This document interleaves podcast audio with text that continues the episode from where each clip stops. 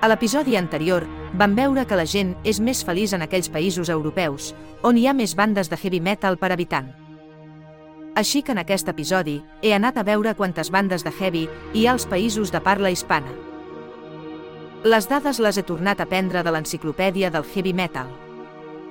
És un directori en línia que van muntar el 2002 una parella de canadencs amants del preat metall. Primera a la pràctica, és el millor i més extens cens a nivell mundial. Cada dia s'hi afegeixen noves bandes.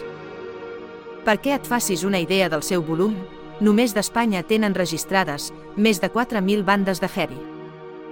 Et deixo l'enllaç a la descripció.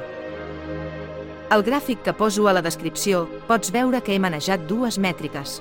El nombre total de bandes a cada país i el nombre de bandes per cada milió d'habitants, que crec que és la mètrica més oportuna per comparar països. Xile és el país amb més bandes per habitant. En concret, tenen 156 bandes de heavy metal per cada milió d'habitants.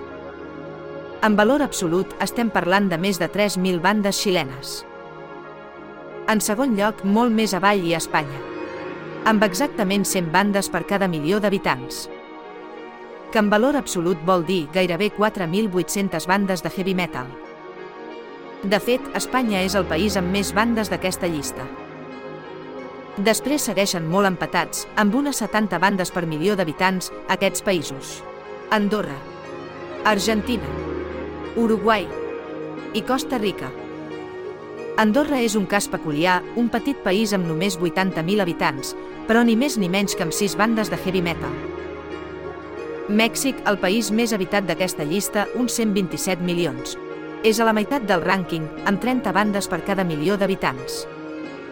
És a dir, un total de 3.900 bandes, molt a prop d'Espanya.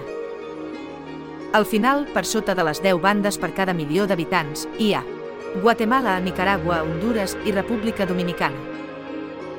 Serà interessant analitzar en un episodi futur el nombre de bandes per gènere i per país.